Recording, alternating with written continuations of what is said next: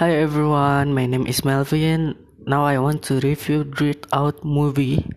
The cool movie. This movie is talk about the cursed stuff because the bad people the owner of the cursed stuff is mad. I like this movie because there is a history of where the curse came from and the ghost is not scary.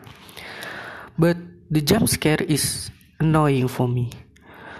And this movie is so good quality and I mean this movie look is like a real.